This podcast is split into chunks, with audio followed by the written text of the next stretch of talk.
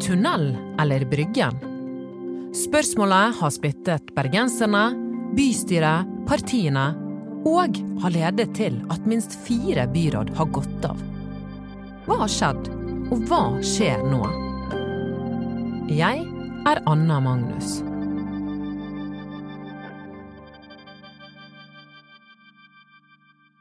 Denne uken skal det avgjøres. Bybanen til Åsane kan endre Bergen sentrum for alltid. Debatten har vært vond og vanskelig for politikere, fagetater og innbyggerne i byen vår. Hvordan havnet vi her, egentlig? Jeg setter meg ned med Gerd Kjellflot.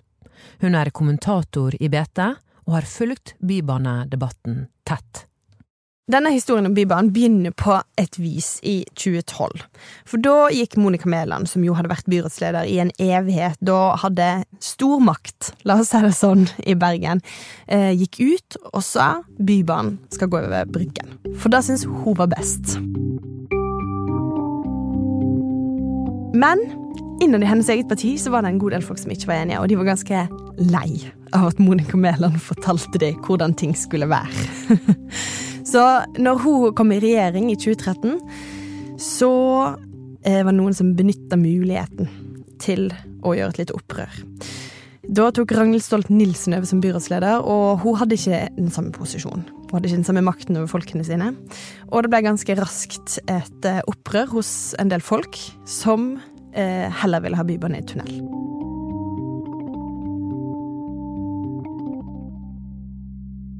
Peter Christian Frølich han sitter på Stortinget og var på den tiden ikke i 20-årene en plass.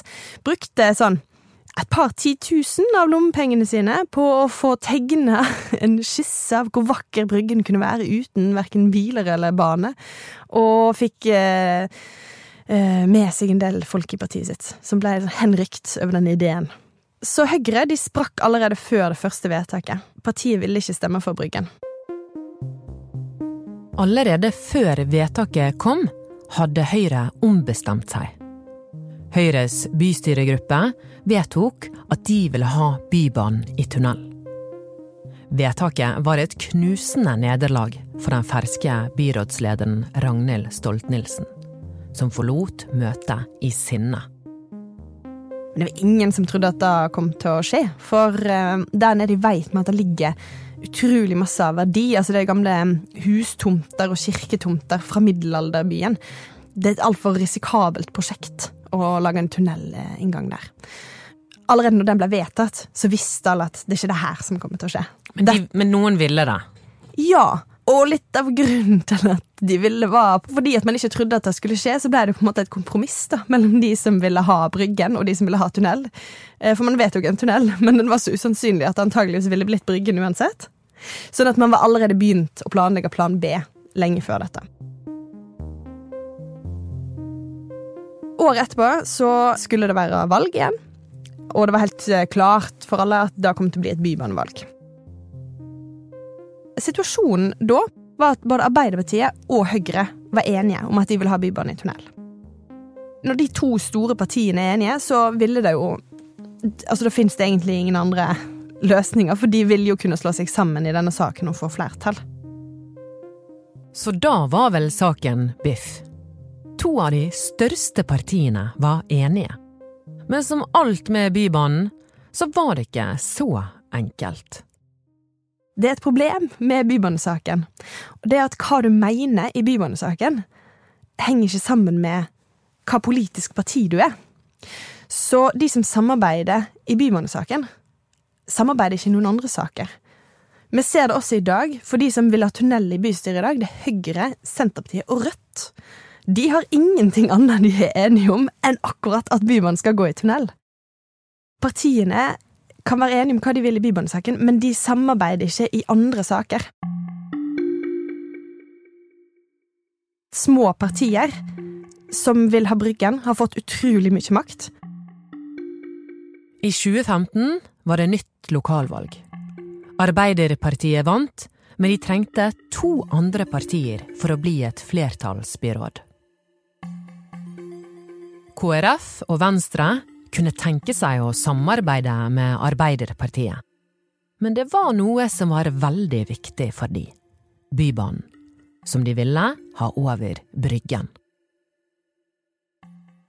Så Arbeiderpartiet, syns mange, solgte sjela si for å få byrådsmakt. De bytta standpunkt med en gang, og i 2016 så ble det fått et nytt vedtak i bystyret om at Bybanen skulle gå over Bryggen. Og så holder de på å utrede det i fire år, mm. inntil det er nytt valg. Mm. Ja. Og hva skjedde da? Fordi at Arbeiderpartiet hadde mm, forandret mening, så ble det vanskelig for mange å akseptere at det var sånn. For det var jo egentlig flertall for tunnel, men så plutselig så hadde en vedtatt Bryggen. Sånn at eh, i framover mot 2019 så ble det klart at enda et valg kom til å handle om hvor Bybanen skulle gå. Men det som gjorde det enda vanskeligere i 2019, var at nå hadde du fått inn en tredje fløy, egentlig, nemlig de som ikke vil ha Bybanen i det hele tatt. Og det handler jo i stor grad om bompenger. For Bybanen er delvis finansiert av bompenger. Og bompengene har økt, og folk er lei av å betale bompenger. Så en fikk inn en stor gruppe i bystyret som mener at en bør bare skrote alt og ikke bygge bybane mot Bryggen. Så da har du en enda vanskeligere situasjon, fordi du har et tredelt bystyre. De som vil ha Bryggen, de som vil ha tunnel, og de som ikke vil ha Bybanen i det hele tatt. Etter valget innser Arbeiderpartiet at de ikke har flertall for Bybanen over Bryggen likevel. I bystyret er det nå flest tunneltilhengere.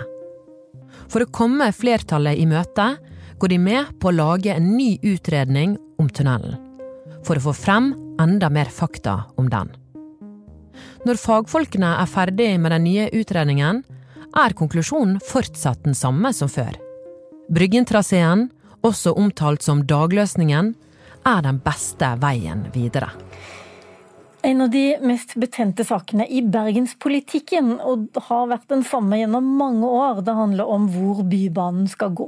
Nå har prislappen kommet, og en eh, bybane i tunnel vil være nesten tre ganger dyrere enn trasé langs Bryggen.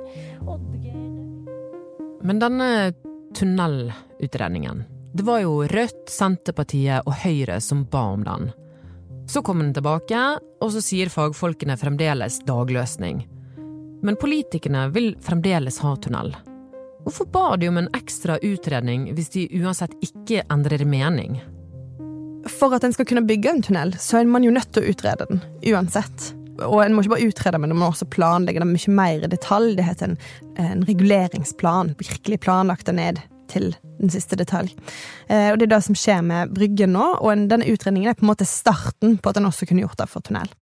Så de ønska at en skulle begynne på dette arbeidet, fordi at de har lyst til å vedta en tunnel og gå videre i den prosessen. Så nå har det på en måte kommet et stykke på vei.